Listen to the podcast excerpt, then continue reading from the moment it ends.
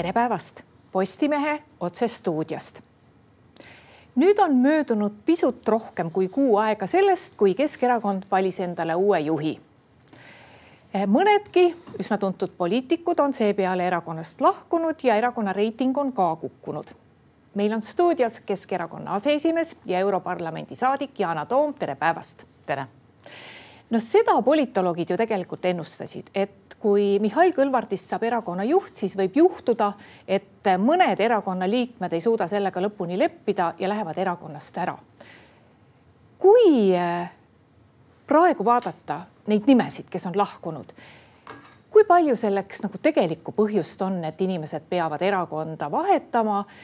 oli see juba ette tehtud otsus, et noh, kui ei saa erakonna juhiks Tanel Kiik, et siis noh, ühelgi juhul ma ei lepi ma ei oska sellele küsimusele vastata, sest mina jään, nagu te näete, erakonda igas olukorras. ja noh, ma lihtsalt ei tea, ega sa ju teise inimese hinge ei näe, te peate nende käest kindlasti küsima. aga ma arvan, et ükskõik, meil oli, meil oli küllaltki terav vastasseis enne kongressi, nii et ükskõik, kes osutuks valituks, ikka lahkujaid oleks. See on selge, et oli ka neid, kes lahkuksid, kui Mihhail poleks võitnud, et ma praegu nagu sellele üldse ei keskenduks sest esiteks neid ei ole nii palju äh, ja ma kindlasti kuulun nende äh, poliitikute hulka, kes hakkab nüüd tänama igat lahkujat, et oi kui kahju, hea oli sinuga olla siin seitse aastat, edu ja rõõmu ei soovi kellelegi edu, edu ega rõõmu konkurentide juures. tänan pigem neid, kes jäävad erakonda vaatamata sellele, et neil on võib-olla mingid kahtlused, et nad ikka kuulasid, mida Mihhail palus, et ta palus anda talle aega ennast kehtestada.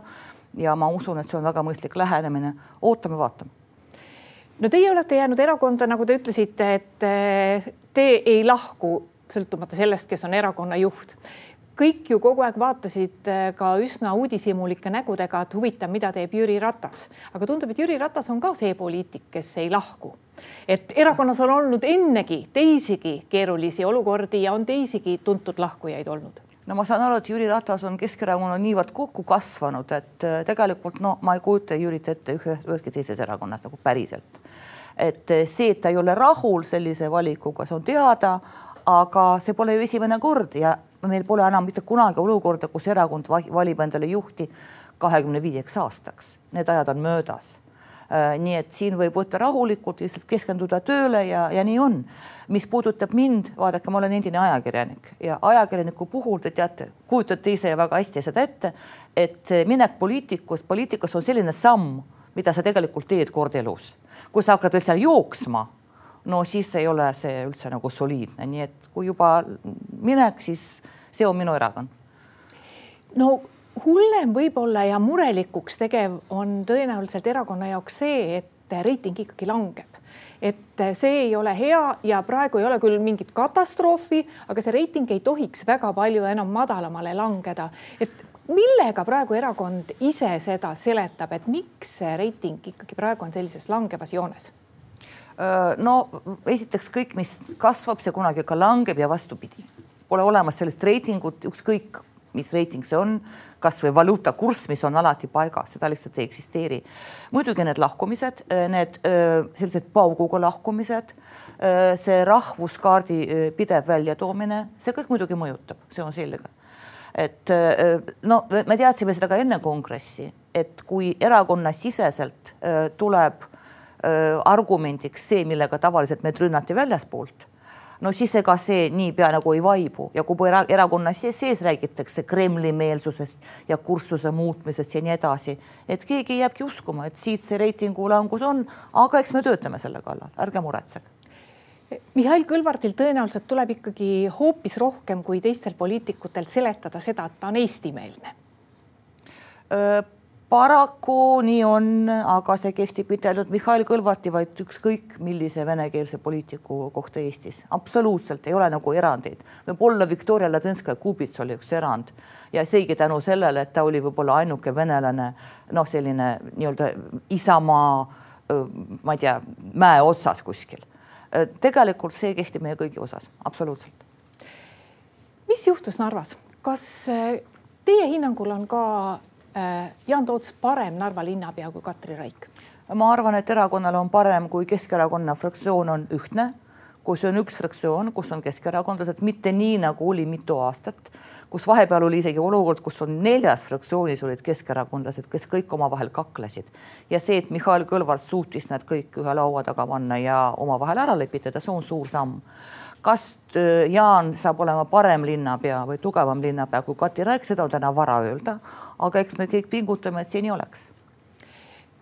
Kas Keskerakond kaalus ka mingit teist kandidaati, sest et noh, tõenäoliselt äh, Narva jaoks väga hästi selline poliitiku eksportimine sisse ei peaks sobima, et äh, kas teil ei olnud koha pealt mitte kedagi võtta? tegelikult sobib väga hästi just selline poliitiku eksportimine, sest Narvas, uskuge või mitte Äh, no seal on muidugi probleem sellega, et sind võetakse omaks, see võtab aastaid, aga Jaanil on õnneks seal päris pikad kauaaegsed sidemed selle linnaga, et ta ei ole päris võõras inimene. Äh, ja ma näen, et ka opositsiooni poole pealt teda tegelikult võeti vastu päris sõbralikult. Äh, ja teiseks, et kui vaadata kohalikke inimesi, siis need viimased arengud on kõik niivõrd omavahel tülli ajanud et oli väga raske leida mingisugune kompromissikandidaat, nii et äh, selles mõttes Jaan on väga hea lahendus. Kui me nüüd vaatame seda, mis toimub siin meie parlamendis, siis tõenäoliselt äh, arvestades seda, missugune on poliitiline olukord ja see on äh, pinevam Eestis kui kunagi varem, siis tõenäoliselt praegune valitsus vajab tugevat opositsiooni opositsioonierakondade vahelist. kas valitsus sellest ise ka teab, et ta vajab tugevat opositsiooni? vajame, et meil oleks tugev opositsioon, kes, kes suudaks tasakaalustada valitsuse otsuseid. kuidas te praegu hindate võimuerakondade koostööd, mille, vabandust, just opositsioonierakondade koostööd, mille puhul äh, ka paljud ütlesid kohe, et kui Mihhail Kõlvart on Keskerakonna juht, siis meil koostööd ei tule. oli see lihtsalt selline emotsionaalne puhang või seda koostööd tõesti praegu ei ole? no te vaatate küll seda kaugelt. minu mäletamist mööda see ainuke erakonna esimees, kes seda ütles, oli Lauri Hussar, kellele võib ainult soovida edu ja jõudu oma erakonna valimiskünnise kohal hoidmisel. Äh, et kõik, mitte keegi enam ei välistanud Mihhail Kõlvartiga koostööd, see ei vasta lihtsalt tõele. Äh, mis puudutab äh, opositsiooni koostööd, no me näeme väga sõjakalt meelestatud EKRE-t, äh, kes nagu nui neljaks räägib sellest, et nad tahavadki erakorralisi valimisi. no erakorralised valimised ju tulevad teatavasti siis, kui ei ole vastu võetud äh, eelarve. no vaevalt äh, Reformierakond vaatab pealt seda obstruktsiooni, ju siis nad seovad jälle selle usaldushääletusega, mis on jälle väga halb, sest usaldushääletus tähendab ju seda, et sa lihtsalt lülitad tasa parlamendi, arutelu ei toimu Isamaa, ma vaatan selle obstruktsiooniga väga kaasa ei tule, ju siis neil on lootus, et praegu oma tõusval lainel nad kuidagi ujuvad siis sisse valitsusse mingi hetk, sest Reformierakondal on, on ju kombeks vahetada välja partnerid. meil pole vist kordagi olnud ühtegi valitsust Reformierakonnaga eesotsas, mis kestaks neli aastat. alati seal on mingisugune, mis midagi toimub no, ja Keskerakond äh, selles obstruktsioonis väga aktiivselt ei osale, sest me saame ju nagu riigimehelikult aru, et eelarve tuleb vastu võtta. aga ega väga head dialoogi valitsusega ei ole, see on tõsi kas see on Keskerakonna selline ametlik positsioon, et sellist hullu obstruktsiooni Keskerakond praegu ei toeta? Äh, te peate sel teemal ikkagi rääkima äh, Tanel Kiigega, mitte et ma nagu poleks teadlik asjadest. no ma just mõtlengi, et juhatus ilmselt äh, ikkagi on oma seisukoha. see on tema rida ja tema on fraktsiooni esimees ja juhatuse liige. aga jah, me muidugi me ei taha nagu lammutama minna, sest see ühiskond on praegu nii polariseerunud et nagu minna sellega kaasa ei taha, sest inimesed ju väsivad ära, kaks nagu räuskavat, vabandage väljendust, erakonda nagu omavahel kaklevad ja nagu valida siin poolt oleks lihtsalt vastutustundlik, tundetu, nii et me ikka üritame jääda soliidselt keskele, kus ongi tegelikult meie poliitiline koht. no meil on järgmised valimised õige pea ees ja see tõenäoliselt puudutab teid ennast päris palju, sest ma ikkagi eeldan, et te kandideerite uuesti Euroopa Parlamenti. kandideerin jah Keskerakonnal tänases äh, populaarsuse olukorras tõenäoliselt kahte kohta loota ei ole. et äh, on öelnud ka Jüri Ratas, et tema tahab kandideerida või et ta kindlasti kandideeribki Euroopa Parlamenti. Äh, kes saab see nimekirja esimene olema, kas erakond on praegu juba otsustanud, kellele nad nagu nii-öelda panustavad, teile või Jüri Ratasele, on see kõva omavaheline konkurents? no esiteks tugev nimekiri on hea asi, teiseks õnneks Europarlamendi valimised ei toimu homme. Ja ma usun, et selleks ajaks, kui nad toimuvad, meie reiting on juba selgelt tõusvas trendis. nii et äh, mina jääksin nagu eesmärgina ikka kahe koha juurde, aga mis puudutab omavahelist konkurentsi, noh, see ei ole ju normaalne, kui sul on üks nagu nii-öelda täht nimekirjas ja siis ülejäänud on mingisugused inimesed, kes saavad, no ma ei tea, kümme häält piltlikult öeldes. et niimoodi keegi ei lähe valimistele, on ju, sellist lihtsalt pole olemas. nii et mul on väga hea meel, et Jüri tahab kandideerida, meil ei ole ametlikku otsust, kes on esinumber. aga kui Mihhail mulle helistas ja küsis, et mis ma arvan eurovalimistest, ma vastasin, et Mihhail, ma ju saan aru, mida sa küsid muidugi esinumber peab olema Jüri Ratasel, sest ega meil ei ole erakonnas ülearu endised peaministreid ja öö, inimest, kes juhtis erakonda seitse aastat, siin pole mingit küsimust, et ma hakkan nüüd kaklema esikoha pärast, muidugi mitte. nii et kui Jüri seda tahab, siis Jüri selle saab. Te olete valmis tulema tagasi Eesti poliitikasse? see ei tähenda, et ma tulen tagasi Eesti poliitikasse, sest ma lähen sellesse nimekirja, ma ei tea, kas teisele või viiendale või üheksandale positsioonile ja ma ikka pingutan selle nimel, et, et võita aga kui valija mind ei taha Euroopa Liidus näha, no siis ta mind seal ei näe, siis ma juba vaatan edasi. aga Europarlamendi valimistel on ta ainuke, see on tegelikult ainuke koht, kus valija hääl päriselt loeb, sest sisse saab täpselt see, kelle poolt ta, kes sai rohkem hääli.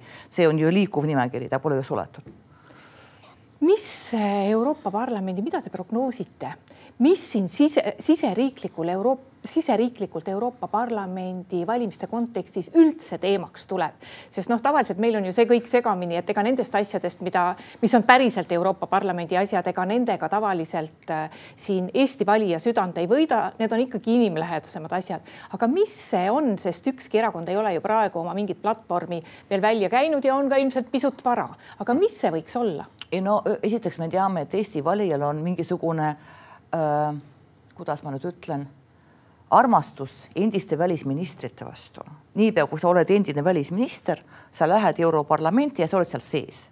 ja siis on tulemus see, et Eesti seitsmest saadikust, eurosaadikust viis on välisasjade komisjonis, mis on puhas raiskamine, sest meil on katmata kalandus regioonide komisjon on selline, no ühesõnaga on miljon asja, kus eestlasi ei ole, seest tähtsad ninad nagu juhivad Euroopa Liidu välispoliitikat, kus ausalt öeldes parlamendil väga häält ei ole. see ei ole mõistlik mis puudutab nagu, mis inimesi võiks huvitada, no ma olen praegu natuke kõverpeeglis seda vaatan, sest homme ma lähen Ida-Virumaale konverentsi, mis räägib õiglasest üleminekust. no see on kahtlemata täna number üks et mis saab sellest äh, rohepöördest, mis saab sellest õiglasest üleminekust üleüldse. see on see, millega peavad tegelema absoluutselt kõik poliitilised äh, erakonnad Eestis, sest see on suur probleem mitte ainult Ida-Virumaal, kogu Eestile, ka julgeoleku kontekstis ja nii edasi. sotsiaalne toimetulek, räägitakse, et see pole parlamendi teema, tegelikult on.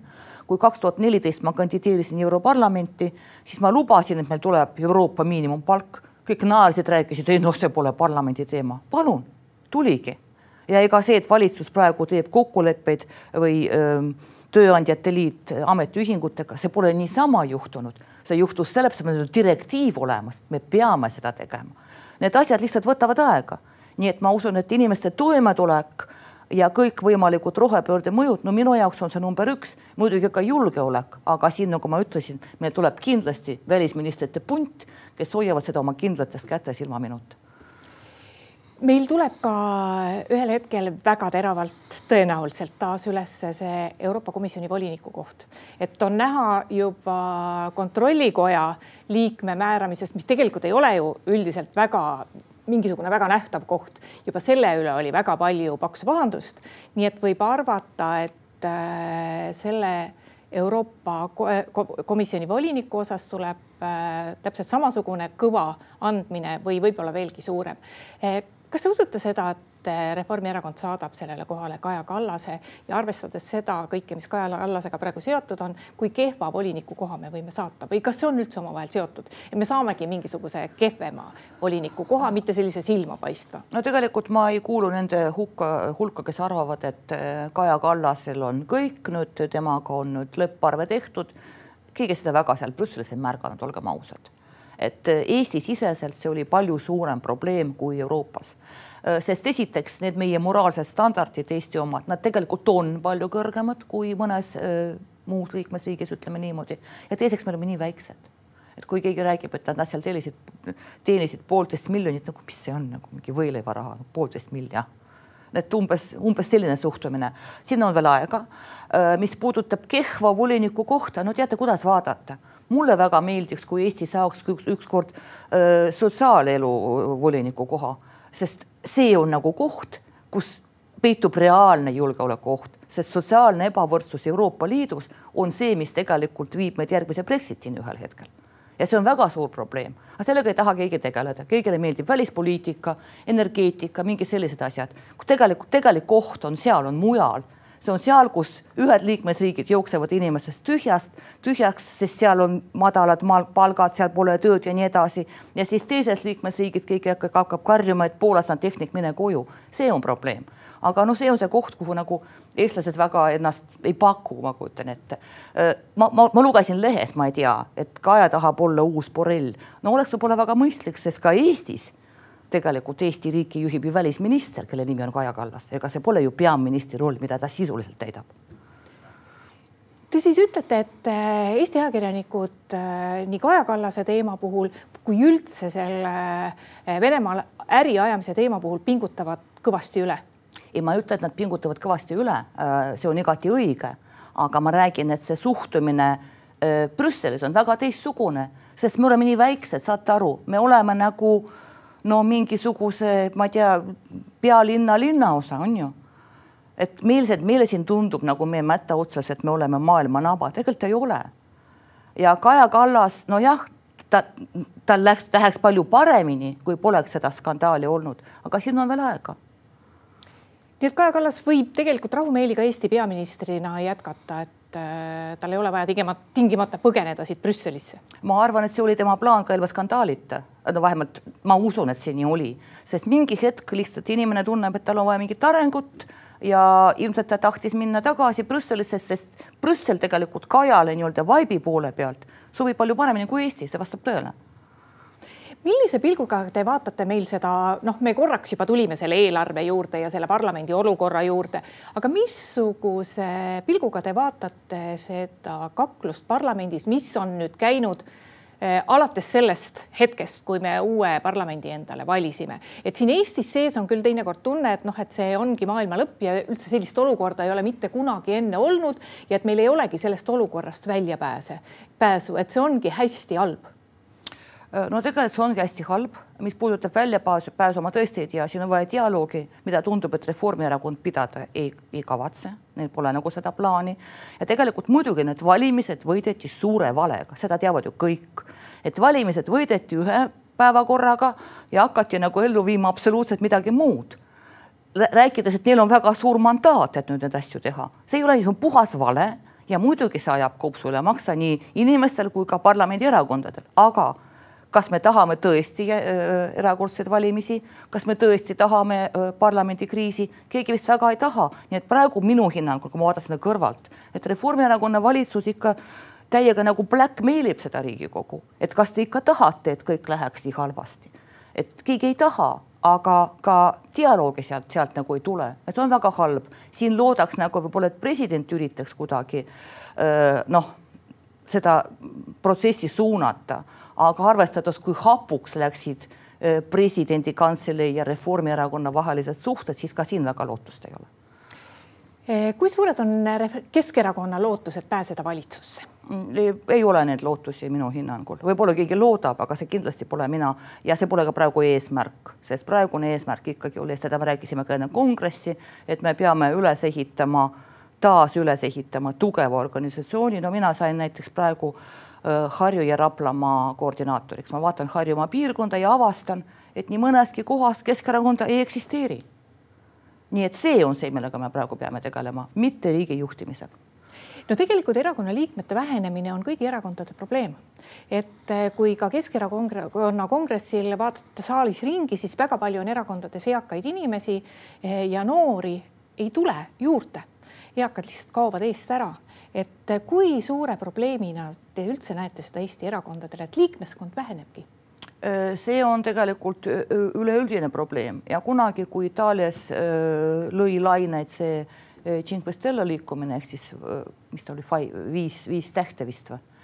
Äh, noh, nemad on praegu juba hääbunud selleks ajaks, millega nad inimesi tegelikult äh, külge tõmbasid, oli see, et nad polnud erakond, nad olid liikumine. Et see sõna erakond ja see iseenesest see establishment'i kuulumine, see on see, mis tegelikult äh, tõrjub inimesi eemale, mis on arusaadav.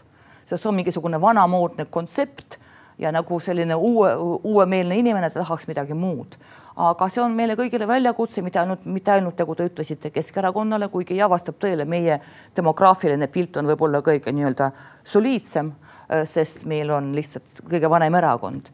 nii et me üritame noortega tööd praegu teha aktiivsemalt ja ma pean ütlema, et kui ma käin noortega kohtumas, siis ikkagi noh, küll me leiame ühise keele, lihtsalt sellele tuleb pühenduda, siin tuleb välja töötada eraldi strateegia noorte jaoks ja ma usun, et muud väljapääsu ei ole, sest no räägitakse, et äh, Eh, mis nad on, NGO, MTÜ-d võivad nagu selle niši nagu jah, võivad küll, aga MTÜ-s see poliitikat tegelikult ei mõjuta. millise nipiga saada Keskerakonna toetustõusule? tuleb tööd teha, tuleb tööd teha, tuleb olla aus, ei pea nagu asju ilustama ja mulle väga meeldib selge jutt, ma no teate, kui sa kuulad poliitikut ja siis sul on midagi kirja panna, nii et nii, et sa kuulad nelikümmend minutit, paned kirja, seal on kaks lauset vot see on nagu see, mis tapab igasuguse dialoogi valijatega. Yana Toom, aitäh tulemast Postimehe saatesse. aitäh kutsumast. ja aitäh ka kõigile neile, kes meid vaatasid. Postimehe järgmine otsesaade on eetris kolmapäeval seniks lugege uudiseid postimees.ee. thank you